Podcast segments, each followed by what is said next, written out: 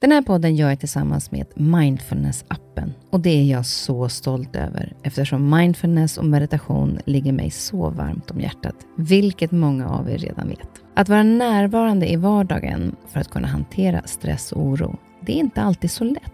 Då kan man ha mindfulness-appen nära till hands för att hjälpa dig när du behöver. För mig kan det vara så till exempel när det gäller sömnen, att vissa dagar då har jag riktigt svårt att komma till ro. Framför allt när det är mycket med jobbet. Då brukar jag använda mindfulness-appen och avsluta dagen med en avslappningsövning för att sänka stressnivån.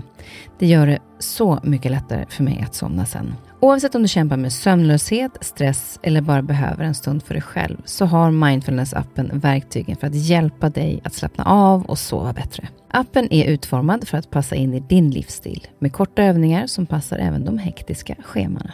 Som lyssnare till Nyfiken på så får ni 40% rabatt på prenumerationen av Mindfulness-appen. Länk till erbjudandet ja, det hittar ni i poddens Instagram, kaspersen nyfikenpa. Eller så går ni in på themindfulnessapp.com kristin. Välkommen till min podd Nyfiken på. Här får jag chansen att möta människor som jag är nyfiken på utifrån deras historia, kunskap eller erfarenheter. Människor som jag inspireras av och förhoppningsvis kan vi med det inspirera er. Och om ni gillar avsnittet får ni jättegärna dela det så fler får chansen att lyssna och det ger mig också möjligheten att få spridning på podden så att jag kan fortsätta länge att bjuda in människor till roliga och intressanta samtal. Glöm inte att du också kan gå in och prenumerera eller följa podden så missar du inte när avsnittet släpps. Den här veckan ska det handla om IT-säkerhet och hackning. Jag har bjudit in säkerhetsexperten, säkerhetsforskaren och hackaren och föreläsaren David Jacobi. Han föreläser om IT-säkerhet och om säkerhet på nätet för privatpersoner. Han jobbar även med olika företag med att hacka tjänster och olika sidor för att se var deras säkerhet brister. Vi kommer idag att prata om IT-säkerhet för oss privatpersoner oavsett det gäller internet, sociala medier eller mail till exempel. Vad ska vi göra för att skydda oss? Varför vill folk hackar privatpersoner och vad är den största fällan?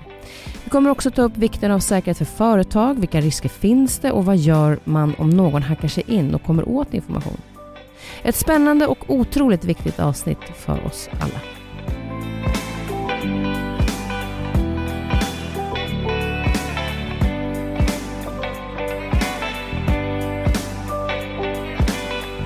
Välkommen David. Tack snälla. Lite, lite stressad kom du hit från flyget som var försenat. Ja, det blev ju väldigt hetsigt för jag tänkte så här, men nu ska jag vara i tid och så fick jag, alltså när jag kom fram till tågstationen tänkte jag, men det är inte långt till Stureplan där vi är nu då. Så jag, men jag tog en taxi ändå, lite väskor och sånt där. Och så är det fantastiskt fint väder. Men, ah. men jag var lite stressad men nu är allting bra. Jag har fått kaffe och god kvaj och ja, du är väldigt snäll. Tack så mycket. Nu har vi varvat ner lite grann så nu behöver du inte stressa något mer.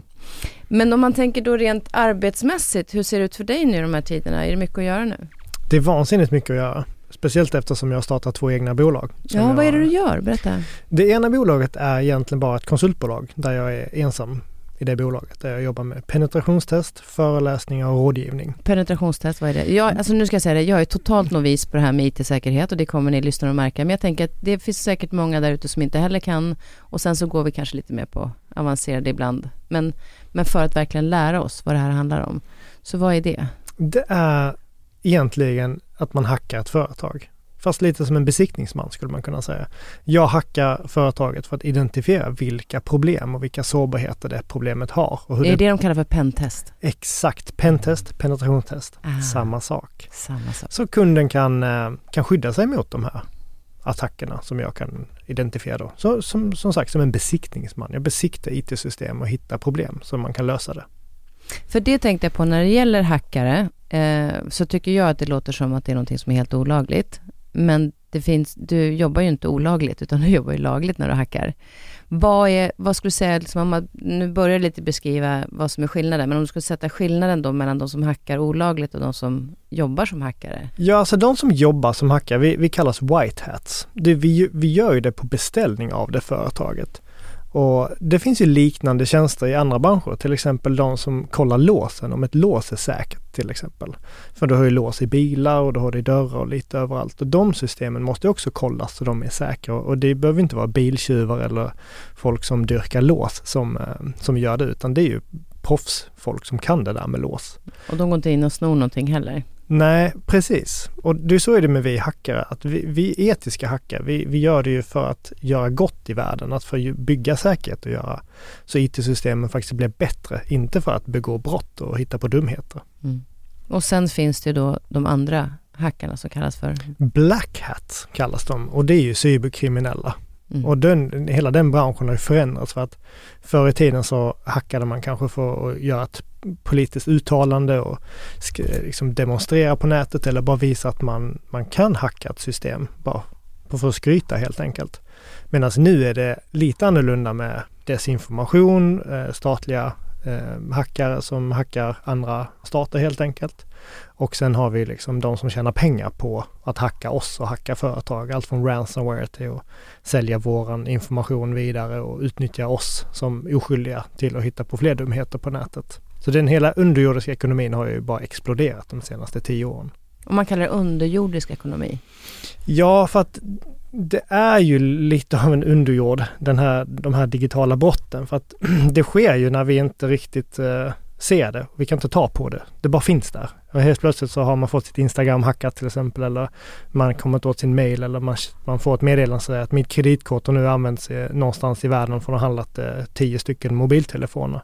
Så det är liksom bara, det är bara någonting som händer och vi vanliga människor har inte riktigt koll på hur det här fungerar. Det är därför jag vill kalla det den underjordiska ekonomin. För att om någon gör ett, ett eh, ett inbrott i ditt hus så syns det ganska tydligt. Man ser det ganska tydligt. Man förstår liksom konceptet med ett inbrott i ett hus. Men digital brottslighet är lite svårt att förstå. Vi har inte riktigt lärt oss det ännu. Mm. Ja, för det är ju, alltså den digitala världen har ju liksom sen det startade, det har ju gått i en, en ganska snabb takt framåt eh, kan man ju säga. Om man bara tittar på de senaste 20 åren, eller 30 åren. När det kommer till liksom den typen av olaglig hackning då, vad, vad, vilka lever i den största riskzonen att drabbas av det? Är det företag, privatpersoner eller myndigheter? Eller vart, vart sker den största brottsligheten? Oj, alltså jag tror ju såklart att den största brottsligheten är ju mot oss vanliga människor så att säga. För att mm. vi går nog ofta och tänker att ja, men det här kan inte hända oss till exempel. Eller vem vill hacka mig? Och så har man liksom inte byggt upp ett, ett skydd, ett digitalt skydd som man faktiskt behöver. Man förlitar sig på att ja, man har ett konto på Facebook eller på Instagram eller på Twitter så är det de som får, får skydda mig. Men man måste själv veta liksom vad man behöver liksom göra för att skydda sig. Företag och myndigheter de vet om ofta att det finns hot och de liksom har budget och pengar att, att liksom bygga IT-säkerhet. Sen har de liksom andra typer av problem vilket gör att de också blir måltavlor. Men jag skulle säga att det är olika personer som gör attackerar olika, olika mm. saker. Att kanske statliga aktörer går mer på eh, kanske myndigheter och företag med ganska känslig information medan sen finns det det här, jag ska inte kalla det fotfolket, men det finns ju liksom de som hackar privatpersoner också för att sprida ransomware som då eh, kanske klassas mer som eh, yrkeskriminella helt enkelt. Och så ser man ganska tydligt att den, den vanliga brottsligheten som säljer liksom knark och, och så här, de håller också på med digital brottslighet för att det är ett sätt att få in pengar för att köpa mer knark som man kan liksom sälja på gatan. Så det finns liksom kopplingar till vanlig brottslighet också. Mm. Men, men du har också ett annat bolag som du jobbar med och som du är med i för att kanske också hjälpa oss som, ja. inte, som inte riktigt vet det här med hur vi ska skapa en säkerhet, ja men tänk bara i våra hem. Vad är det för, vad är det för bolag? Ja, det är ett bolag som heter Sprinkler som jag startat tillsammans med, med Bahnhof. Och tanken där är att bygga alltså IT-säkerhetstjänster som du får direkt i din internetuppkoppling och mobilabonnemang. Så du slipper installera någonting på en dator. Och det ska vara så otroligt lättillgängligt för, och, och lättförstått. För att idag så köper man kanske en, en säkerhetsprodukt som kostar ganska mycket pengar som innehåller 20 funktioner. Vi vill att man äger sitt eget digitala självförsvar så att du väljer själv den funktionen som du vill ha. Liksom om du bara vill ha föräldrakontroll och du vill bara ha skydd mot skadliga länkar, då är det det du köper. Så får du skyddet direkt i internetuppkopplingen så du slipper skydda enskilda enheter utan hela ditt digitala liv ska skyddas. Ditt hem ska skyddas. Inte bara en dator eller en telefon till exempel. Och, göra, och det blir ju betydligt mer lättillgängligt för oss och som inte riktigt förstår den här världen. För det är det som många gånger jag kan tycka att ibland när man pratar om det så tycker jag till och med att språk är svårt att förstå. Så att jag författar inte, ja men vad ska jag göra med det här? Jag vet inte ens hur jag ska ladda ner den här sidan.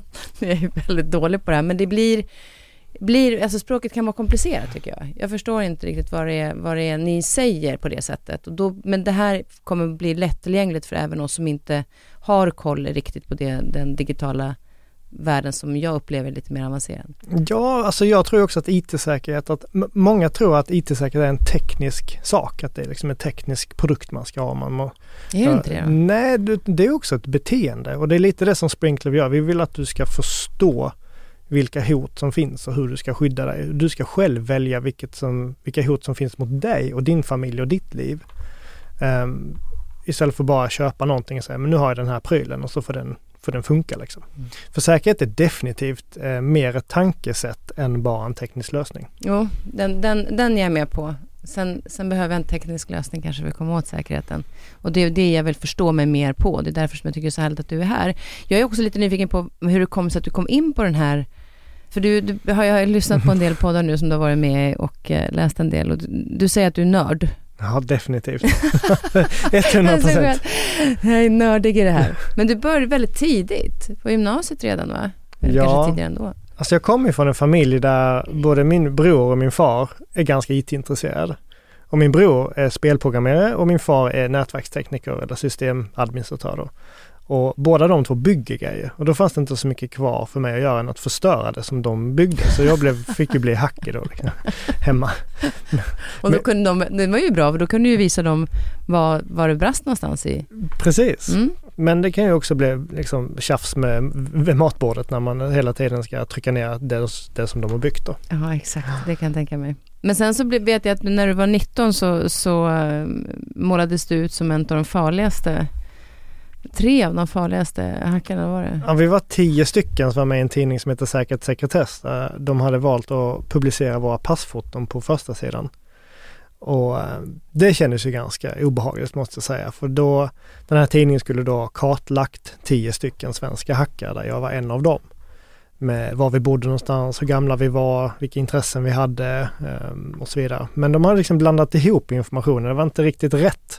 Och de har också en väldigt negativ eh, liksom, ton i hela, eh, kallar oss eh, bland annat personer som höll på med droger och svartkonst och, och liksom massa satanism och, och liksom massa konstigheter i den här tidningen. Och, och, det stämmer inte. Jag menar, jag var ju barn och ungdomsledare inom Svenska kyrkan vid den tidpunkten. Så att jag skulle hålla på med satanism var ju ganska liten. Ganska långt därifrån. Mm, väldigt mm.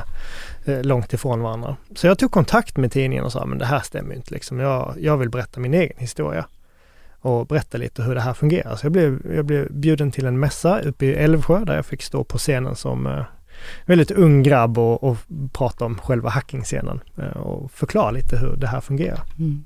Och vad kände du då när du fick den möjligheten? Alltså jag var ju vansinnigt nervös för jag, jag tyckte liksom att eh, undrar vad, vad ska folk tycka om det här? Va? Ehm, kommer de hålla med mig om, om det här? Liksom, jag, jag, var ju rädd att folk skulle tycka illa om oss som var med i tidningen. Att, men nu, nu är min karriär över, jag kommer aldrig få ett jobb i säkerhetsbranschen på grund av det här. Men det hade motsatt effekt istället. Det, det blev faktiskt väldigt positivt av det hela och jag kände mig ganska stark efteråt. Att säga, oj, jag, för det första så vågade jag ställa mig på en scen och prata inför folk när jag aldrig någonsin har gjort det tidigare i hela mitt liv.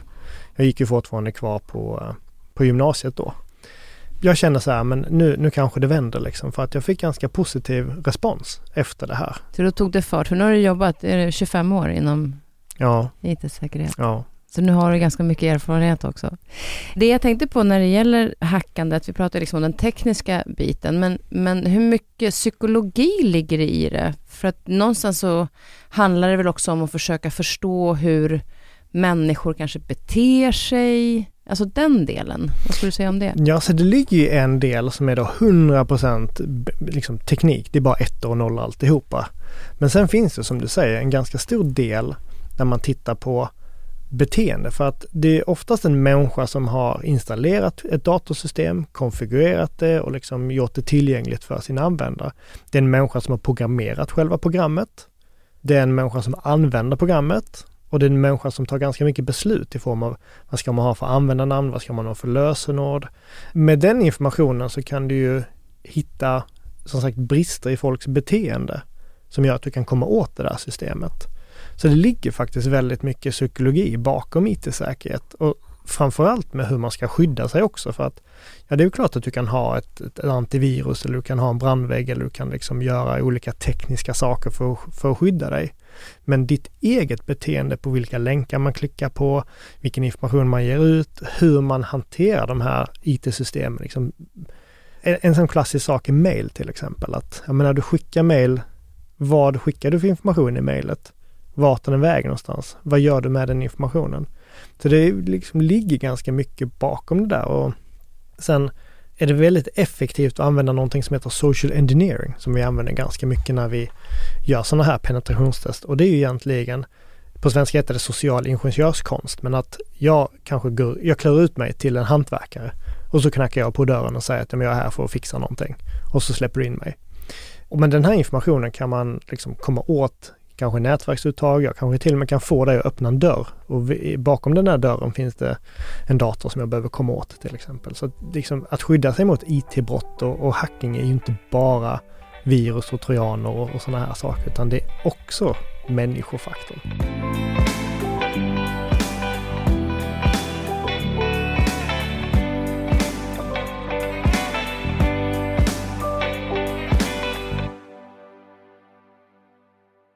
Men om vi börjar med den här privata säkerheten som du lite grann är inne på. Vad skulle du säga är den, när är den största risken att man som privatperson blir hackad? Men jag skulle nog säga att när du är, du behöver inte vara stressad, men du är väldigt angelägen på att göra någonting. Du sätter dig vid datorn och så är du ganska angelägen på att, på att göra någonting och så kommer det kanske ett mail som du inte riktigt läser igenom. Det kanske kommer ett meddelande någonstans som du inte riktigt läser igenom och så bara klickar du och så bara gör du det som finns där utan liksom att lägga energi på att förstå vad det är som händer. För ett sätt som vi konsumenter blir attackerade på det är någonting som heter phishing-mail, att man får falska mail antingen skicka till sig via sociala medier eller till sin mailbox. Att vi har hört talas om Postnord-mailen eller mm. Skatteverket-mailen och så här. Att, um, det väldigt... kan man se redan på mailadressen att, den är, att det är något suspekt med den? Eller hur kan man, hur kan man se att det här, nu ska jag tänka till här, varför får jag det här mejlet? Alltså vid första ögonkast så är det kanske ganska svårt att se för att men de försöker ändra mailadress och sånt. Men om man, som du säger, det finns ju vissa faktorer som gör att man kan stoppa detta själv om man då lägger ner lite energi på det. Och titta på mailadressen är ett av dem till exempel. Mm. Den andra delen är bara att tänka rent logiskt. Förväntar jag mig det här mejlet? Det kanske jag inte gör. Jag kan inte en sekund på den här banken som skickar det här mejlet till mig. Jag kanske kund till en annan bank. Varför skulle jag få ett mejl från den här banken? Ett annat tips är att hålla muspekaren över, om det finns en länk i mejl till exempel. Håll muspekaren över länken utan att klicka på länken i tre sekunder så ser du vart den länken pekar någonstans. För att mm. vi säger att du får ett mejl från Postnord till exempel. Men den länken pekar till en helt annan sida någon annanstans. Då vet du att det inte är Postnord till exempel. Ja, så att det, alltså, ha inte bråttom, ge det tre sekunder och titta. Ge, exakt, bara ta det lite. Ta det, är, det, lite. det är ingen fara att man öppnar mejlet, utan det är mest när man går in, för ibland så kan det vara lite läskigt, för jag öppnade det där mejlet. Jo, nu blir det lite tekniskt. Ja. ja. det finns ju också sårbarheter. Du vet ibland när du sitter vid datorn så säger det, men nu har det kommit upp tre nya, tre nya säkerhetspatchar som man måste installera. Som, mm. Mm, de sårbarheterna som, som man fixar då skulle kunna vara sådana som kriminella utnyttjar. Så att det räcker att du får ett meddelande eller det räcker att du får ett mail. Och då smäller det. Och du behöver inte ens öppna mejlet utan det räcker att du bara tar emot mejlet. Men de är väldigt sällsynta. Så sannolikheten att man blir utnyttjad av de typerna av sårbarheterna är ganska liten för att sådana väldigt effektiva sårbarheter utnyttjar ju kanske statliga aktörer för att hacka myndigheter och andra mm. företag. Vi som privatpersoner blir väldigt sällan utsatta för den typen av avancerad digital brottslighet utan vi blir mer utsatta för så här, men nu, nu har du fått ett paket som du ska hämta ut och så klickar man på länk som säger men nu måste du betala 59 kronor i frakt och så betalar man 59 kronor men de 59 kronorna går ju någon annanstans och sitt kreditkortsnummer blir stulet och skickat till någon annan. Just det, så det är där, det är oftast att det handlar om att de vill eh, ja, sno pengar av oss helt enkelt. Sådana. Ja, det är olika grupper som vill olika saker men vissa typer av mejl vill att man ska sno pengar, vissa vill att du ska ladda ner mjukvara, en bakdörr eller en trojan till exempel. Och den trojanen kan i sin tur ta ut allt du har på din dator. Och vad ska de med det till då? då? Mm, man tycker så att när man säger så här, men ta ut allt du har på din dator. Det är ju inte dina dokument och dina bilder. Det är kanske, du vet ju själv när du loggat in på Facebook till exempel. Eller Teams. När loggar du in på Facebook senast med ditt användarnamn och lösenord via din dator? Ja, det var länge sedan. Ja, det var länge sedan. Du bara loggas in, eller hur? Ja. Den informationen finns ju lagrad på din dator till exempel, Mm, som säger att du redan är inloggad. Det heter en cookie. just det. Om jag kan få tag på den cookien, då kan jag ju bli dig utan att ha ditt användarnamn och lösenord. Då kan jag bara använda den. För den är liksom en nyckel in till ditt, din Facebook och samma sak till din kanske Teams. När loggar du in på Teams senast? Nej, det gjorde du inte utan du bara startar Teams och så är du inloggad. Är det bättre att logga in varje gång? Eller spelar det ingen roll om man har gjort det en gång, att man har loggat in, att den här cookiesen finns då? Det är bättre att logga ut. Men det är, det är ju det här, då kommer man liksom ett, få ett problem att det här är... Eh, det är lättare när man är inloggad än att behöva logga in hela tiden för då ska man komma ihåg sitt lösenord och så vidare. Men det bästa är ju att du klickar på den här knappen som heter logga ut. Det är det absolut bästa. För då kan, även om du får in den här skadliga koden på din dator som tar ut den här informationen, så funkar den informa- informationen inte. Då är du liksom utloggad. För där är också, tycker jag, att många gånger när man ska gå in på olika saker så säger man, vill du använda din Facebook-inlogg? Mm. Fast det inte har med Facebook att göra ens en gång. Mm. Har det någonting, alltså ska man använda den, eller ska man använda hellre sin, är det mail man kan gå in med istället? Vad tycker du där? Ja, det är precis det här jag menar med single sign-on. Det är att du använder ett konto för att logga in på flera olika tjänster. Ja, Och det är nog väldigt lätt, som du säger, att, att glömma bort att men via mitt Facebook-konto så skulle jag kunna komma åt kanske eh, appar på telefonen, alltså spelappar eller datingappar eller parkeringsappar. Liksom både Facebook och, och Google och Twitter har ju sån här single sign-on. att Du kan använda de kontona till att logga in på andra appar. Mm. Och det är ju väldigt, det är väldigt trevligt liksom för att man slipper bry sig som vanlig användare. Men från ett säkerhetsperspektiv så är det ju en mardröm för att om du inte har skyddat ditt Facebook till exempel eller inte skyddat dina konton, då räcker det ju att en kommer åt det här så kommer de åt allting annat också. Och jag förstår att det blir ganska komplicerat när man pratar om detta. Liksom att okej, om någon kommer åt min Facebook så kan de också komma åt det här och de kan komma åt det här och det här.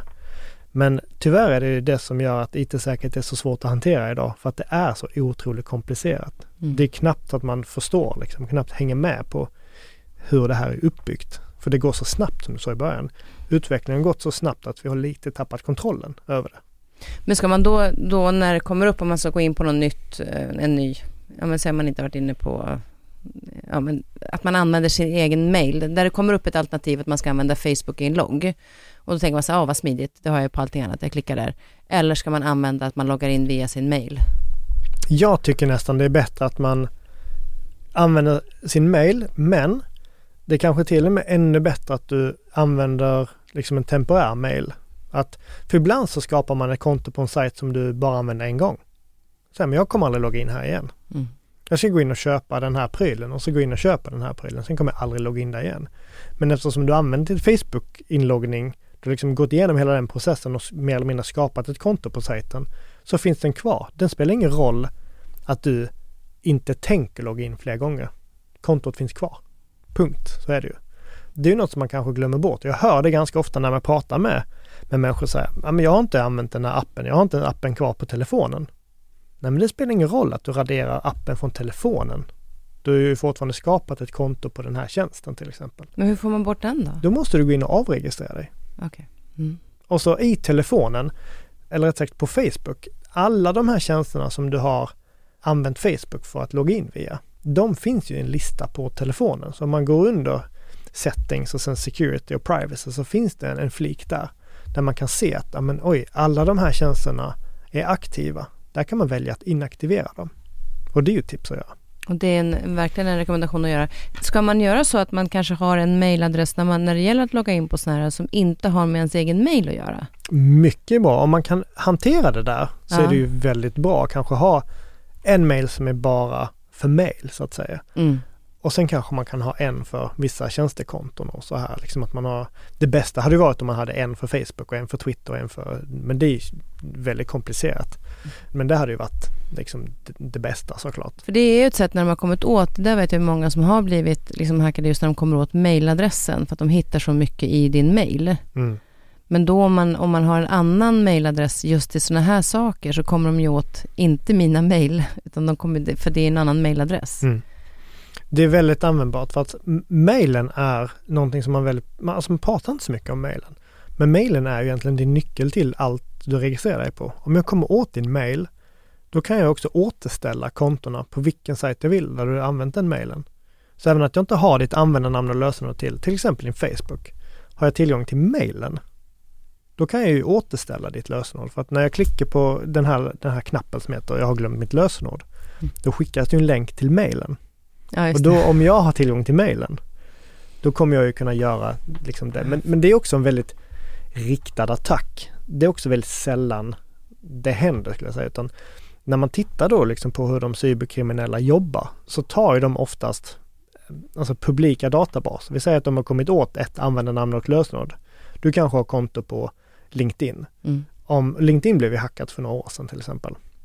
Så om man då tar fram ditt, din mailadress och det lösenord du hade på LinkedIn, då, då kollar man om du har samma lösenord och samma mailadress någon annanstans. Helt automatiskt. Man kollar på Facebook och Twitter och Skype och Netflix och allt vad det kan vara för någonting.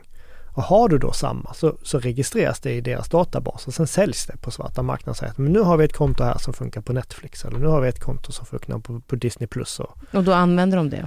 Då använder de det till exempel för att sprida annan kod till exempel, alltså skadliga länkar. Du vet ju själv för att några år sedan så, så var det en mask eller vad ska jag säga, en, en trojan som spreds via Facebook. Att du fick ett meddelande från någon av dina vänner på Facebook där det stod att titta här, nu har jag hittat en, en bild på dig och så var det en länk. Och så mm. klickar man på den länken så skulle man ladda ner någonting. Det stod så att bilden går inte att visa utan du måste ha det här tillägget för att visa bilden. Men man är ju vansinnigt nyfiken på att se den där bilden som var tagen för 20 år sedan. Att oj, tänk vad jag har hittat en bild på mig då. Och när du då aktiverade det här tillägget, då fick du in skadlig kod i din webbläsare som gjorde samma sak igen mot alla dina vänner på Facebook. Så det spreds ju liksom hela tiden. Um, och det den koden också gjorde var ju just då att stjäla den här sessionskucken som jag pratade om då. Som gjorde att de kriminella kunde använda alla konton som blev hackade för att uh, ja, sprida mer kod och tänk själv vad man har skickat för meddelande. Kanske är att man har nätdejtat och skickat bilder via Messenger då till exempel eller ja, man kanske vill ha tillgång till eh, någon, någon annan app och då kan man använda ditt Facebook-inloggning för att skapa ett konto någon annanstans.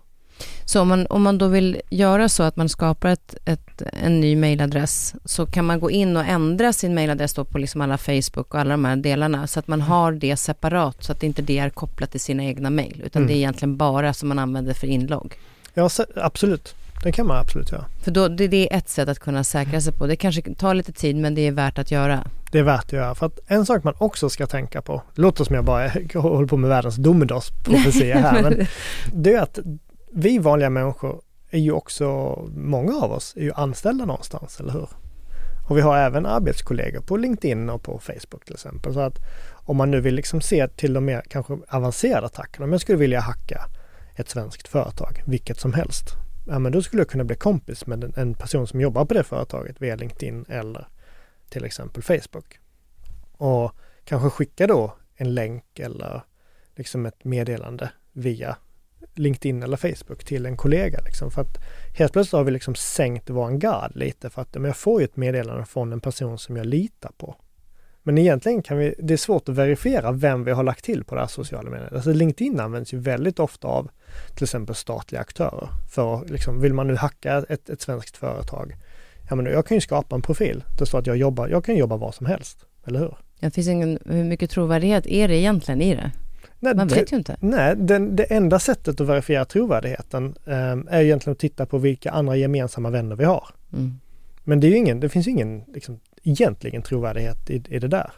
För har du haft tur och bara lagt till fler bekanta, så om du lägger till 10 000 människor och x antal av dem svarar ja, då helt plötsligt så har du x antal gemensamma vänner och då helt plötsligt så är man, ja men det här är en person som jag måste känna. Vi har ju så här och så här många gemensamma vänner, då måste jag känna. Är vi lite för liksom godtrogna i det här, att vi inte liksom kollar upp det ordentligt, människor som vi faktiskt knyter kontakter med? Ja, men alltså, det är jättesvårt att svara på detta. Ja, mm. vi är godtrogna, men vi, jag tycker att vi ska också ha all rätt att vara godtrogna till en viss del. Mm. En värld där alla går omkring och är otroligt paranoida är ju ingen rolig värld att leva i heller. Men samtidigt så kanske man ska vara lite Alltså bara skriva ett meddelande. Hej, hur har vi träffats? Just det. Det är ju klart att det där svaret går att fejka, men liksom någonstans så måste man liksom eh, sänka garden lite. Mm. Alltså vi kan inte leva i en värld där vi är 100% paranoida. Men man måste kanske mer sätta sin egen typ av säkerhetsnivå. Var vill jag sätta min säkerhetsnivå? Och förstå konsekvenserna att det är inte säkert att den här personen, Sven Svensson, är Sven Svensson. Det är inte helt säkert. Nej. Jag vet inte riktigt om det här är Sven Svensson. Och beroende på lite vad man jobbar med och liksom vad man gör till vardags så kanske man ska ha olika typer av säkerhet för att en viss person kanske ska ha högre säkerhet än en annan person. Men vi måste bara bli mer medvetna om att det är så här det funkar. Att det är, får man, får man säga skit? Får man säga det? Ja. det? Det är så mycket sånt ute på nätet idag. Och vi måste bara bli medvetna om att det finns där ute. Mm. Men om man tänker på lösenord då till exempel. För där är ju många som säger att man ska byta det ofta. Och vi, det är lösenord överallt. Mm. Eh, vilket är förmodligen jätte, det är jättebra att eh, vi har lösenord. Men det är också väldigt lätt att ta sig förbi det om, alltså, ska man byta lösenord ofta eller ska man ha olika lösenord? Jag tycker det är viktigast att man har olika lösenord istället för att eh, byta ofta. Jag tycker byta ofta, det finns ingen, ingen mening med det. Om man har ett bra lösenord som är unikt, då finns det ingen mening med att byta. Men det finns två saker man ska hålla koll på. Det är att det finns eh, tjänster där man kan kolla om sitt lösenord har blivit läckt, till exempel. En av dem är Have I been pwned, finns det en sajt som heter. Där kan man gå in och söka på sin mailadress så kan man få en lista på om man har ett konto på en sajt som har blivit hackad. För har den blivit hackad då är det ju väldigt äh, aktuellt att byta lösenord just där. Mm. Men sen tycker jag också det här med lösenord, det är inte så komplicerat att komma på liksom 50 stycken lösenord som är unika. Problemet är att vi tänker på lösenord som ett ord. Vi tänker inte på det som en mening till exempel. Vi har också en, en, en syn på lösenord att de ska vara visuellt komplicerade. Det ska vara stora, små bokstäver, specialtecken och siffror, eller hur? Ja, precis. Ja, men det betyder inte per automatik att det måste vara så här X39 understreck eh, ÅÄÖ 2. Det behöver inte vara så. Hur ska kan- det vara? Du kan till exempel ta en mening istället. Det tycker jag är ganska bra. Till exempel, eh, vad ska vi ta för mening? Nu får du, du får vara med. Vad ska vi ha för mening? God kaffe var det. God kaffe tar vi. God kaffe blir bra. Mm, då, då tar du ett stort G och ett stort K, alltså god kaffe. Då har du både stora och små bokstäver, eller hur? Mm. Mm. Sen behöver du ha ett specialtecken, det vet vi att det måste vi ha med. Välj ett specialtecken, vilket som helst. Jag tar utropstecken. Då tar vi god kaffe utropstecken. Det lösenordet ska du basera alla dina andra lösenord på. Så alla dina lösenord börjar på god kaffe utropstecken med stort G och stort K. Men sen handlar det om att göra det unikt. För det är det som jag försökte förklara, att om man hackar en sajt så kommer de per automatik kolla om samma användarnamn och lösenord funkar någon annanstans. Men har du unika överallt så kommer det inte funka. Så hur får man då unika lösenord som man kommer ihåg?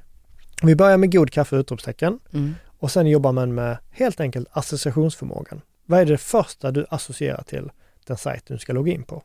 För det är personligt och det är någonting du kommer komma ihåg. Så om vi tar Facebook till exempel. Vad är det första du tänker på när jag säger Facebook? Ansikte. Då tar du god kaffe utropstecken ansikte. Där har du lösenordet till Facebook. Ah, Och så gör vi samma sak på Twitter. Vad är det första du tänker på när jag säger Twitter? ah, fågel. Fågel. God kaffe utropstecken fågel. Så man ska inte använda Twitter, själva ordet? Det kan man göra men jag tycker inte det är jättebra. Alltså det, det kan du göra för att som sagt den här processen att när någonting blir hackat den är ju helt automatisk. Någon måste ju titta på lösenordet med sina ögon och det gör ju inte en dator. Eh, Men nu är det säkert många som kommer att kritisera mig och säga ja men man kan använda ordlistor och det ena efter det andra. Ja det kan man göra. Det är därför jag tycker det är bättre med associationer för att vad du associerar till Twitter behöver inte vara samma sak som jag associerar med till Twitter. Jag tänker på färgen blå på Facebook till exempel, inte ansikte. Mhm. Men jag tänkte också på fågel på Twitter. Mm. Men det behöver inte vara samma sak. Men just att man använder då ett ord som man associerar med sajten. Sen kan man liksom göra det här systemet hur man vill. Man kan byta plats på det. Så man kan till exempel ha ansikte, utropstecken, god kaffe till exempel. Eller, Ja, okej. Ja.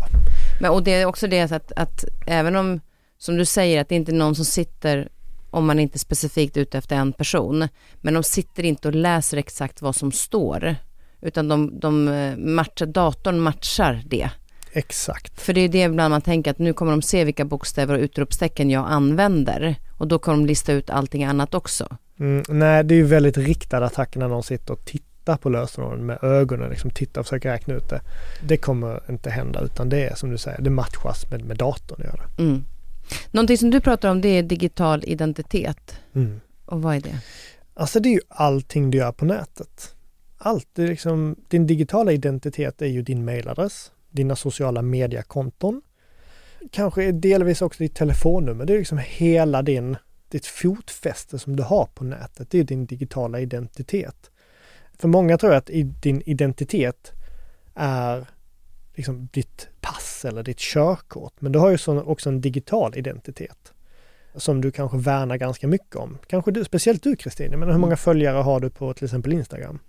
260 000 kanske? 260 000. Mm. Det är ganska mycket. Det, det, finns ju såklart en prislapp på det kontot. Det finns ju prislappar på dina olika saker som du har på nätet. Din mailadress är värt pengar på svarta marknaden, ditt Instagramkonto är värt pengar.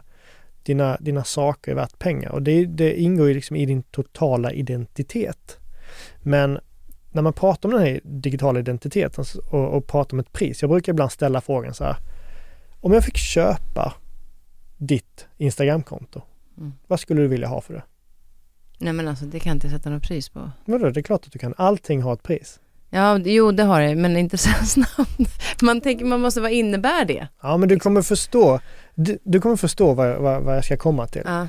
100 000. Skulle, ja. skulle du ha 100 000 kronor för ditt konto? Ja, det var lite, men vi, var säger, lite... vi, säger 100 000. Nej, så. men det nej. måste vara en, nej. Nej, vi säger, jag vill ha mer. Du vill ha mer, du vill ha en miljon för det. Ja, vi säger det. Ja.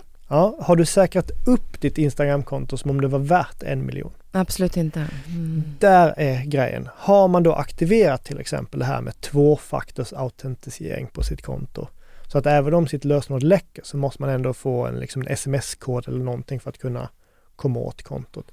Har man liksom lagt in alla de här säkerhetsfunktionerna på sina konton som om det var värt så mycket som man själv värderade kontot till, men går, går det att använda den här två, nu kanske det är en dum fråga, men går det att använda två, för den har jag ju på vissa, men inte på allt. Men det Nej. går att ha tvåstegsvariation på allting eller?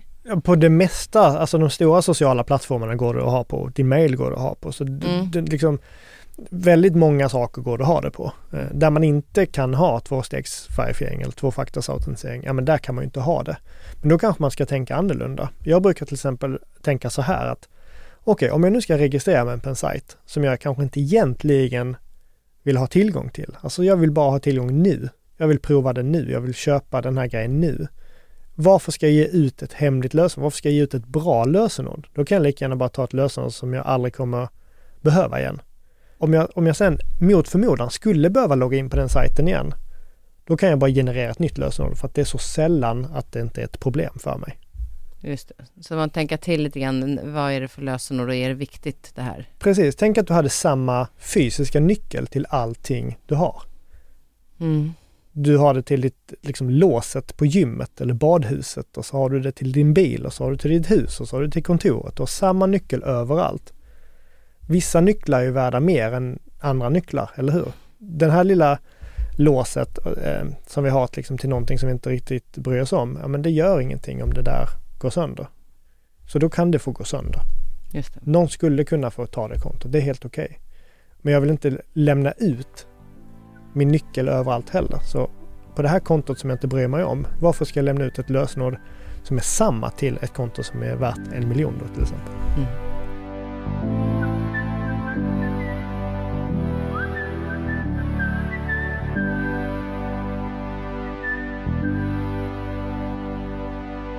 Men där är också så här när man, när man, vissa grejer då som man skickar till exempel på, om vi kommer tillbaka till mejlen.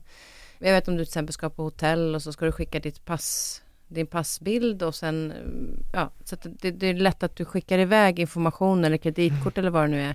Hur ska vi tänka kring det? För att är det inte så att när vi skickar iväg någonting så blir det ju möjligt för dem att, ja, de, de där hackarna att ta, komma åt dem. Ja, alltså vi, vi jag tror rent psykologiskt, om vi är igen på det här med beteendet. Vi, vi vanliga människor vet om att det säljs till exempel eh, pass och körkort och sånt där på svarta marknaden. Men många... Och det gör det? Ja, det gör det definitivt. Absolut. Ja. Alltså, hur, det har man ju hört liksom till och med när jag var ung att man kunde få tag på falsklägg till exempel. Och det kan man göra idag också såklart. Mm. Det är bara att de kan man också få tag på på nätet. För att skapa ett, ett falsklägg så behöver du ändå ha ett foto på någon. Du behöver liksom ha den identiteten så att säga. Och hur, hur får man då tag på den här identiteten? Hur får man tag på där, den här bilden på dig själv? För du kan ju kanske inte ta, du har inte ditt passfoto på Facebook till exempel. Nej. Nej, det har Nej. du inte. Nej. Nej. Och det är precis som du säger, vi förstår inte riktigt att när vi skickar iväg det här passet till kanske en ambassad eller ett hotell eller en arbetsgivare eller vad det nu kan vara för någonting. Så är det inte som i den riktiga världen att man liksom ger dig någonting och så försvinner det från höll. För att vi skapar kopior hela tiden. När du har skickat det till hotellet, då ligger det kvar en kopia i din mail och de har det i sin mail. Då helt plötsligt finns det två kopior. Och sen kanske de i sin tur behöver skicka det till ytterligare ett ställe. Då finns det helt plötsligt på tre ställen. Det du kan göra för att skydda dig, det är till exempel att radera det från din egen mail. Så att om din mail skulle bli hackad så finns det inte där i alla fall. Mm. Det är egentligen bara det du kan göra. Ja, då ligger det rätt många kopior kanske runt om, om man tänker efter. Det gör det ju. Sen... Så att man ska gå in och kolla igenom, när man vet att man har skickat till någon, säg att det är ett halvår sedan, men gå in och kolla både på, men gäller det också sms eller är det framförallt mail?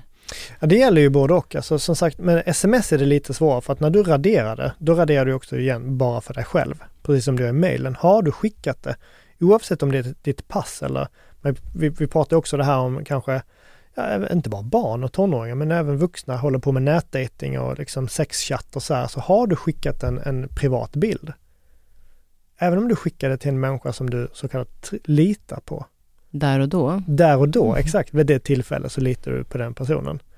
Den bilden, den är där då. Den kommer aldrig försvinna. Om inte båda personerna kommer överens på att men vi ska radera den här. Och inte ens då är det 100% säkert att Varför det kommer det? försvinna. För att det beror på hur du skickar bilden. För att vi vet ju också att många skickar bilder via Snapchat till exempel. Men Snapchat funkar också så att när jag skickar en bild till dig då ligger den ju kvar hos Snapchat tills du har öppnat bilden, eller hur? Mm. Mm. Så om du inte kollar din telefon på en dag, då ligger ju den på Snapchat en dag. Och kanske till och med ännu längre. Jag vet inte ens om den raderas där, bara för att du har tittat på den. Är vi lite för slarviga med de grejerna, att vi skickar för mycket sådana saker som faktiskt kan hamna i fel händer? Det är en väldigt bra fråga. Ehm, jag försöker vara ganska liberal när det kommer till liksom det nya sättet att dejta och träffa människor, liksom att, att sexchatta och så här. Jag försöker vara ganska liberal och tänka så här, men det behöver inte bara vara dåligt, men vi måste ju förstå vad som händer när vi skickar saker och ting. Att mm. vi kanske inte ska skicka alldeles för privata saker. För att det finns ingen garanti att det där stannar hos den personen och att det inte hamnar i fel händer. Men, men vad ska man bevara sina säkerheter? Alltså så här, är vi säkra om man pratar om det här med molnet till exempel? Att jag lägger det i mitt moln. Men då kan de ju hacka in sig om de har mejladress. Alltså, de, de hittar de uppgifterna så kommer de ju åt allting i alla fall. Ja, alltså jag, jag tycker inte vi ska vara så otroligt paranoida heller. Men det är väl klart att ja, det finns ingenting som är säkert. Vi kommer kunna liksom hitta på problem med mer eller mindre allting. Liksom. Till och med så börjar vi säga att men vi ska inte skriva ner våra lösningar i en bok för att till och med det är farligt för att ja. få någon ta, få tag på boken. Det handlar ju mer om att få en ganska human liksom, inställning där man har en, en lägsta nivå. Så att okej, okay, nu har jag, jag har gjort det jag har kunnat. Jag har skyddat mig på det sättet som jag kunnat. Jag har alla säkerhetsuppdateringar. Jag har olika lösenord på de tjänsterna som är viktiga till exempel. Jag slår på tvåfaktorautentisering på de tjänsterna som är viktiga. Jag har ett säkert tankesätt att jag ska inte klicka på länkar, jag ska vara lite mer liksom ifrågasättande och så här. Jag ska inte vara så naiv till exempel. Ja, men mer kan du kanske inte göra. Du kan ju liksom inte bygga den här liksom perfekta borgen där du är helt säker från allting. Det, det finns inte. Nej, man får inte gå runt och vara rädd hela tiden heller. Men, men vi, som du sa, vi kanske har lite bråttom och är lite väl nyfikna. För jag fick ju mitt Instagram-konto hackat. Jag hade ju då anmält någon som hade skapat ett, ett eh, konto i mitt namn. Eh, och sen gick det några dagar bara så fick jag på DM. Där, jag, absolut, jag var ju bara för snabb. För mm. jag, det var ju inte ens den riktiga Instagram-loggan på det DMet. Utan jag såg bara att det var ett typ Instagram-märke. Och ser att det står någonting om security. För att jag vet, när jag läser så förstår jag heller inte. Jag, jag, när jag läste det i efterhand, jag fattade inte ens vad som stod. Och vad det innebar. Men jag var ju väldigt snabb att klicka på den länken. För jag trodde att det hade med min säkerhet att göra med tanke på att det hade blivit och sen var det ju kört. Mm. Och där känner jag ju bara att men alltså så sjukt klantigt att jag är så snabb i det att jag inte ens läser och förstår jag inte vad som står så skit i den där länken, eller? Ja, för att vi skulle inte göra så i den fysiska världen. Alltså jag pratar ju oftast, alltså gör jämförelser om IT-säkerhet kontra den riktiga världen. Om du hade fått ett brev där det stod fylla i det här, den här informationen och så stod det Skratteverket istället på loggan liksom. Och så bara, ja ah, men visst man har bråttom, man öppnar eh, tio brev den dagen liksom och så bara fyller man i uppgifterna och skickar tillbaka. Det kanske man inte hade gjort. Du hade varit lite mer försiktig liksom när det kommer till grejer som man ska signera och, och, och göra. Och, eller liksom jag har bara skickat en, en grej hem på posten så här, men koppla in den här i nätverksuttaget stoppa in den här grejen i eluttaget. Det hade du mest troligt inte gjort. Liksom. Men när det kommer till den digitala världen så är vi ganska snabba. Vi sitter på med telefonen i handen när, när vi är på toaletten eller innan vi ska gå och lägga oss och så bara, vet, man bara gör grejer. Alltså, det, mm, det är precis så är det. Man bara gör grejer. Ja. Och de sakerna som vi bara gör kan ju vara skadliga. Ja. Och vad är det då man, man liksom, om man tittar nu på det vi har pratat kring, vad är det vi liksom ska försöka tänka till på? Länkar i mail? Jag vet också att man ska inte lämna ut sitt personnummer eller kreditkort utan att Ja, men det är liksom det uppenbara, men jag tror att det som gör att vi åker dit på det är ju just det här att vi ska inte ha återanvända samma lösning överallt. Vi måste förstå att de här säkerhetsuppdateringarna som, som, som kommer, de har väldigt stor effekt. Och sen måste vi alltså också förstå att vi, många säger så här, men vi, vem vill hacka mig? Jag har ingenting att dölja eller jag, hur påverkas jag av detta? Men du är ju en del av den organiserade brottsligheten om du inte tar det, ditt eget ansvar. Det är, tyvärr är det ju så att om du, behöver inte vara naiv, men om du bara skrattar bort det liksom så här, men jag har ingenting att dölja. Men om, om man använder din identitet för att sprida liksom virus eller sånt, men då är du en del av det till exempel. Eller du har information i din mail som man vill komma åt. Eller man kan använda om, om du råkar ha samma lösenord någonstans som du har på jobbmailen till exempel, så kommer helt plötsligt kan man åt, liksom komma åt ett jobbföretag och det är kanske ännu mer aktuellt nu när vi jobbar hemifrån också med tanke på liksom de två åren vi har haft med de här restriktionerna med corona, att det är många som jobbar hemifrån idag. Du har ju definitivt inte samma IT-säkerhet i ditt hem som du har på företaget. Nej, och du hade, hade inte du hackat ditt eget hem? Jo, det hade jag gjort. Och då hackade, det var ju, det var ju massa år sedan, det måste åtta år sedan nu eller något sånt där. Men då började jag själv, alltså jag granskar oftast mig själv, använder mig själv som försökskanin i den säkerhetsforskning som jag gör. För jag, jag tycker att jag borde ha koll på saker och ting. Men, och, och, då tyckte jag så här, men jag har inte så mycket uppkopplade prylar hemma. Jag är ganska medveten om vad jag har liksom kopplat upp på, på mitt nätverk och så. Men det visade att jag hade jättemycket saker uppkopplade. Min tv var uppkopplad, min soundbar var öppna, eh, uppkopplad, mina tv-spel var uppkopplade. Jag hade nätverkshårddisk och skrivare och liksom helt plötsligt så var det hur mycket som helst hemma. Det var, som ett, det var som, nästan som ett litet företag hemma. Liksom. Jag hade massa prylar uppkopplade. Och så blev ni lite nyfiken för att det var under den tiden det här IoT blev ganska populärt, Internet of Things, att man liksom började koppla upp kylskåp och tv-apparat och Apple TV och sådana grejer. Det började liksom komma vid den tiden. Så jag tänkte så här, men okej, okay, hur, hur lätt skulle det vara att hacka och vad är då igen konsekvenserna? Vad kan en hackare eller en cyberkriminell göra då? Vad betyder det att hacka en TV? Vad betyder det att hacka en DVD-spelare? Så här, vad kan man göra med de sakerna? Och eh, det visade sig att jag kunde slå på kameran i TVn. Det visade sig att jag kunde utnyttja de här hackade prylarna på att, som jag förklarade innan, att utföra andra typer av, av hackningsförsök via då de här uppkopplade prylarna.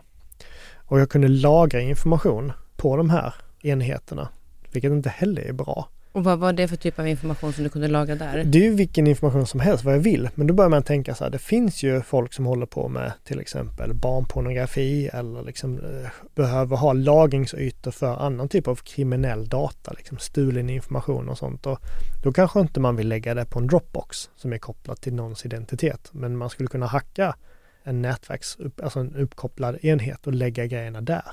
Så att man gömmer det på det sättet? Absolut. Så det fanns ju mycket saker som man kunde hacka i mitt eget hem. Då.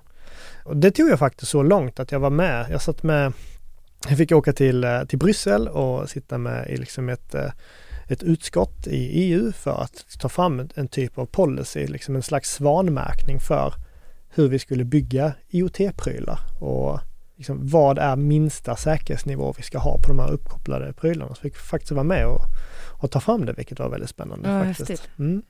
Men om man då eh, ska då skydda sig på det sättet så är det de här sakerna framförallt som jag pratat om och du har också varit väldigt schysst och eh, redan förberett en hel del tips som jag också kommer lägga ut på Instagram så att man kan ha lite grann och titta mm. på tillbaka så för att hjälpa till med just att hitta den här typen av, av säkerhet. Men när man kommer då till företag till exempel vad är det för typ, om man nu sitter på ett företag, stort som litet egentligen, men vad är det viktigaste att man tänker på där kring säkerheten? Oj, där är det ju väldigt mycket man ska tänka på. Det är som säger, det beror lite på om man är liksom ett, eh, är man en fabrik eller är man eh, utvecklingsföretag eller liksom är man en bank. Det finns ju olika lagstiftningar som också styr vad företag ska liksom fokusera på när det kommer till IT-säkerhet. Hur man hanterar sina personuppgifter och bankuppgifter. Det finns ju väldigt mycket lagstiftning som, som bestämmer det. Men om man då tänker liksom, kanske de vanligaste hacken som sker eh, och vad man skulle liksom kunna göra för att förhindra de hacken. Så skulle jag säga att det finns något som heter nätverkssegmentering som är ganska bra. Det vill säga att om man hackar en dator så ska man inte kunna liksom via den datorn få tillgång till allting annat som finns på det företaget utan det kanske ska vara uppdelat så att men, man har ett kontorsnät och man har ett servernät och eh, liksom olika typer av nätverk där man har olika typer av information och olika personer ska ha, ha tillgång till de olika näten. Så att du som om du kanske jobbar med marknadsföring kanske inte ska ha tillgång till vissa typer av, eh, viss typ av information och vissa typer av servrar. Du ska bara ha tillgång till marknadsföringsmaterialet till exempel. Att man liksom jobbar i en ganska nedlåst eh, miljö. Sen är ju själva, det heter katalogtjänst, alltså den här, när du är, är på ett, anställd på ett företag så, så när du loggar in så finns det liksom en, en dator som hanterar alla användarnamn och lösenord och rättigheter ett Active Directory till exempel. Det finns olika domänkontrollanter som det heter, alltså de här servrarna som, han, som berättar vad du får göra och inte får göra. De i sin tur måste ju vara nedlåsta också och ha liksom en, en konfiguration som gör att ditt konto, du ska bara ha tillgång till dina saker via ditt konto. Lösenord är ju såklart också viktigt på, på företaget, att du inte har liksom sommar 2021. Eh, för det, för kommer man in i systemet så är det väldigt lätt att, att, testa för sommar 2021 och se vilka användare som har det. Sen är ju liksom informationshanteringen också ganska kritisk, skulle jag säga. Vem, vem har tillgång till vad? För att något som vi har sett ganska tydligt är det här med ransomware som många pratar om, alltså utpressningsvirus. Att du får in kod som krypterar alla system, all data och du kommer inte åt någonting. Men om man då har liksom låst ner systemet så att om du skulle bli infekterad då skulle du bara kryptera den informationen som du har tillgång till. Och då är det dumt att du har tillgång till allt, eller hur? Du ska ju vara ganska begränsad. Så kan man göra de sakerna så är det ganska bra. Sen tycker jag det är ganska bra att man har även spårbarhet så att om någonting händer så ska man ju lätt kunna se det och kunna spola tillbaka, liksom kunna se okej, okay, vad var det som hände? Hur kan vi stoppa detta? Så för företag är det ju otroligt mycket mer komplicerat än vad det är för privatpersoner. För det finns liksom många saker man ska hålla reda på. Backup är också otroligt viktigt för att som sagt, händer det någonting så ska man kunna liksom återställa systemet så att det blir som det var innan attacken till exempel. Mm. Sen gäller det liksom att ha bra kontakt med leverantörer så att för att du kanske då jobbar på ett företag där IT-säkerhet inte är din huvudsakliga uppgift. Du är duktig på massa annat, inte IT-säkerhet. Då gäller det att ha en leverantör som är väldigt duktig på IT-säkerhet som man kan kontakta och det finns ju leverantörer som också håller på med liksom, och, och övervaka nätet så att du slipper göra det som liksom titta på, på nätverket och identifiera om det är någonting som händer, om något som pågår. Då kan man säga, men nu är det en attack som pågår så nu stoppar vi det eller nu kan vi ringa in dem om någonting hur har vet hänt. man att det är en attack som pågår? Men det kan man se i systemet. Man kan se på beteende, alltså inte personens beteende men alltså på en dator om den beter sig annorlunda. Om du normalt sett, alltså hur ska jag jämföra detta? Om du normalt sett bara går till www.tv4.se men helt plötsligt så går du till en helt annan sajt. Då är det så här, men det där, är, det där beteendet är en avvikelse från vad som normalt sett sker på nätverket. Vad gör man då? Men då får man gå in och säga, vem har gjort den här avvikelsen? Ja, men det kanske är det här systemet. Bra, då isolerar vi det här systemet och så tittar vi på det här systemet. Vad har hänt? Varför har vi den här avvikelsen? okej, okay, då kan man säga att vi har en avvikelse för att det kanske finns ett virus här eller en trojan eller den har blivit hackad. Okej, okay, då måste vi titta på alla andra system som, som vi har på nätverket för att se om de också skulle kunna vara infekterade till exempel. Och de här avvikelserna, de kan man även, det döper vi i vår bransch till en IOC, Indicator of Compromise. Att man har liksom, det kanske skapas en fil på filsystemet, det kanske skapas någonting som man kan leta efter. Att okej, okay, om den här informationen finns på datorn, då vet vi att den, den datorn är hackad också. För att alla hackade datorer har den här liksom, saken, den här filen eller den här användaren eller den här informationen på något sätt. Så man mm. letar efter den då.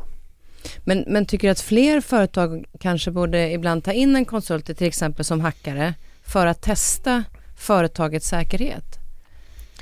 Ja, men jag skulle säga innan man testar, innan man tar in en konsult som testar säkerheten så ska man ju ha gjort sin läxa först. Mm.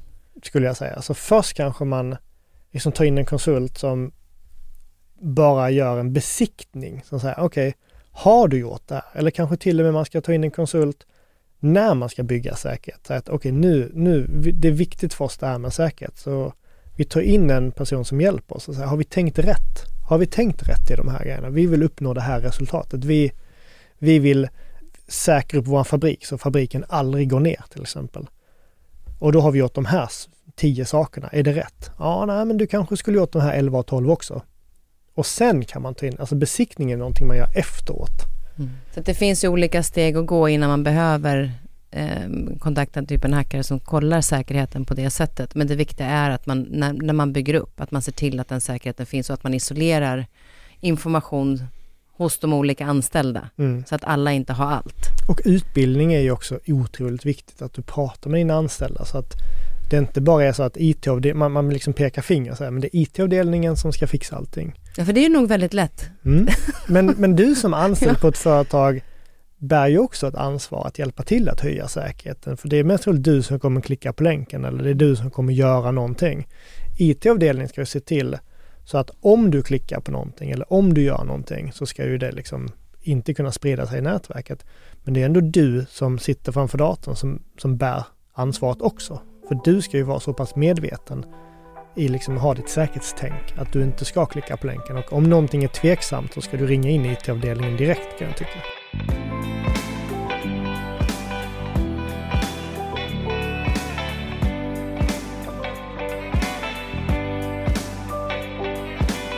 Alltså, det är någonting som är ganska positivt i den här utvecklingen, liksom, den, den digitala transformationen som vi är med om. Det är att liksom, när jag växte upp och jag började hålla på med hacking och IT-säkerhet för, för 25 år sedan.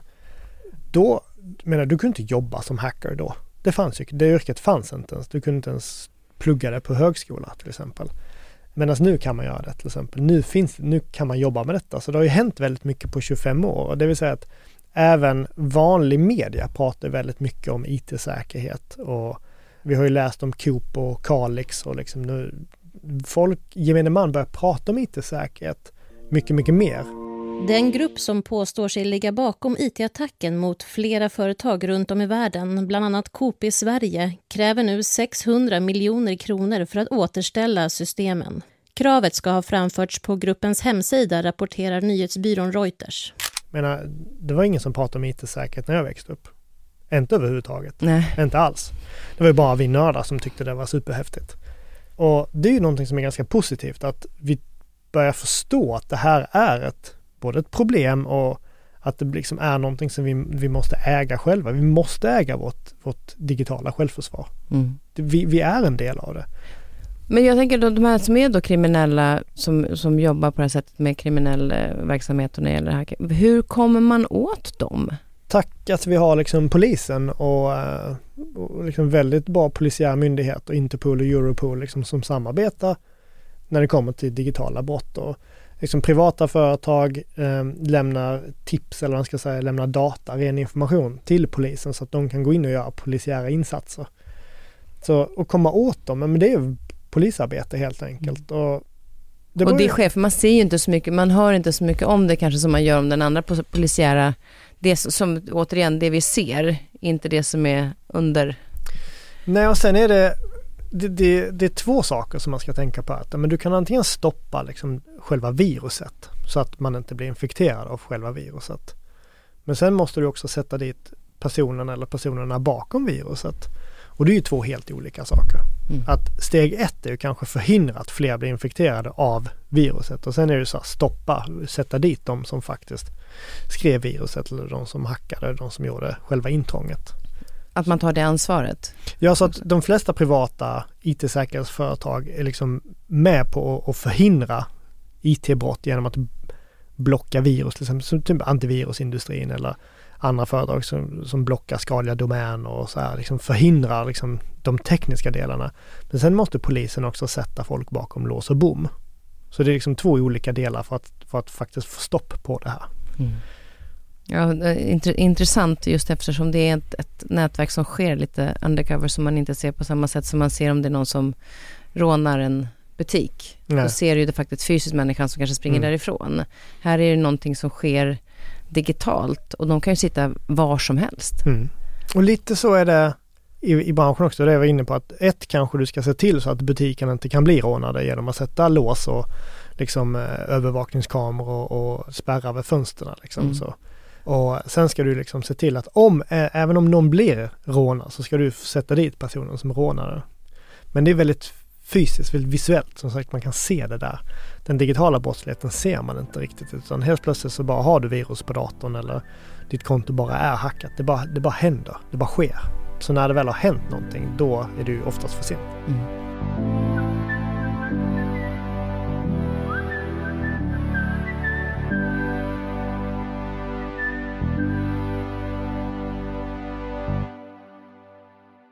Superintressant att få prata med dig och tack för all, liksom, alla tips som du har delat med dig. Jag kommer som sagt lägga ut en del på Instagram som du redan har skrivit ner en hel del om. Eh, på poddens Instagram, Kaspersen understreck nyfiken på, eh, hittar ni det. Vi ska avsluta med en låt. Vilken, ja, vi, jag, du hade fått frågan innan, du hade lite svårt att komma på någon, någon Ja. Du har lyssnat mycket på Michael Jackson tidigare. Det har Från, jag. Det är ja. liksom husguden där hemma i Michael Jackson. Men nu mm. har jag börjat lyssna på Bill Withers. Jag är ju väldigt analog av mig, jag tycker om vinylskivor och VHS-band och liksom. Det älskar att du hade VHS-band hemma. Ja, det är, för det är hela grejen att ta fram ett fodral. Alltså visst, bildkvaliteten är inte alls, vi kunde inte jämföra de tekniska grejerna med, med DVD eller Blu-ray eller så här. Men liksom att den här nostalgin, att du tar fram ett VHS-band, du tittar på framsidan och så tittar du på baksidan. Och så ser du några bilder liksom, och så utifrån det där tar du ett beslut på vilken film man ska se. Jag älskar du som är så digital. har VHS. Men jag är inte digital, det är det som är grejen. Är... Ja men det är det jag tycker, så här, man tänker, alltså det är ju ett antagande, men eftersom mm. du jobbar så mycket med det digitala så tänker jag liksom så här att, att där har du ju allting så lättillgängligt. Men du har VHS, alltså ja, det är men det, det, är ju som sagt just den här känslan att mm. gå ner i mitt lilla filmrum som jag har där och så välja film utifrån det där. Men liksom när jag tittar med barnen så tittar vi på Netflix eller någon streamingtjänst och så här. Men, men jag själv, jag går ju gärna ner och tittar de här. Samma sak med vinylskivorna. Det är ju vansinnigt opraktiskt att lyssna på fyra låtar, sen måste vända skiva fyra låtar till. Så är det liksom, sen måste du ta fram en ny skiva och lyssna på. Det är väldigt opraktiskt men det är bara någonting med det. Jag menar, jag, jag och min flickvän, vi kan ju sitta i soffan och bara sitta och prata och, sätta, och så tar du fram en vinylskiva och du baserar det bara på liksom, framsidan. Du vet inte vad det är för musik, vi vet inte vad det är för genre, vi vet ingenting. Utan vi bara köper på måfå och så bara spelar vi den när vi kommer hem och så får det vara, är det blues är det blues, är det techno så är det techno. Liksom. Det... Men blir inte njutningen lite extra då? Jo. Just att man, man, det blir en liten grej runt omkring det. Det är inte bara att man sitter och, och, trycker på en app eller på Spotify och så bläddrar man. Det är ju smidigt också, men där blir det ju någonting mer. Mm. Jag älskar det här skrap, det här knasterljudet mm. när uh, vinylskivan går igång. Nu är det säkert många yngre som inte fattar vad vi pratar om. Men i alla fall, det är kul att vinyl har kommit tillbaka ändå. Så att, uh, min son, min 18-åring, köpte ju en, en sån vinylspelare för något år sedan. Mm, häftigt. Ja, det är jätte, jätteroligt. Men då vill du lyssna på Bill Withers va? Får jag det? Jajamän. Jättegärna. Och då vilken låt? Och det kommer inte ens ihåg vad den heter. Use Me va? Ja, så jag har sagt det till dig, vet jag. Så här, ja, jag har mejlat det. Vi mejlar ju frågorna innan, bara just för att jag tycker att det är så fint att avsluta med en låt. För det säger rätt mycket också om, om personen i fråga. Mm. Tycker jag när man avslutar och avrundar med en låt. Så då blir det Bill Withers med Use Me. Tack snälla David för att du kom. Tack själv.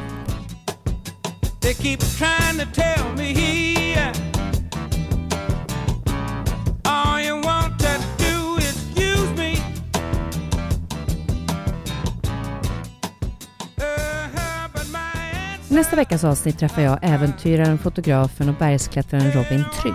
Han var yngste svensk att ta sig upp på Mount Everest och han har dessutom bestigit berget från två olika håll. Och vid den ena expeditionen, när han var vid ett basläger, kom en kraftig jordbävning som krävde över 2500 människors liv. De fick avbryta och åka hem. Men Robin ville tillbaka för att bestiga två av världens högsta berg under en och samma expedition. För det hade ingen annan svensk gjort. Ett samtal blev det om rädsla, sökande, tillhörighet och att hitta meningen i livet genom att söka sig till världens högsta berg för att sen, genom allt han var med om, inse att det som betydde något för honom fanns här hemma. Missa inte nästa veckas avsnitt. that I ought not to let you just walk on me. And I'm sure he meant well. Den här podcasten är producerad av Perfect Day Media.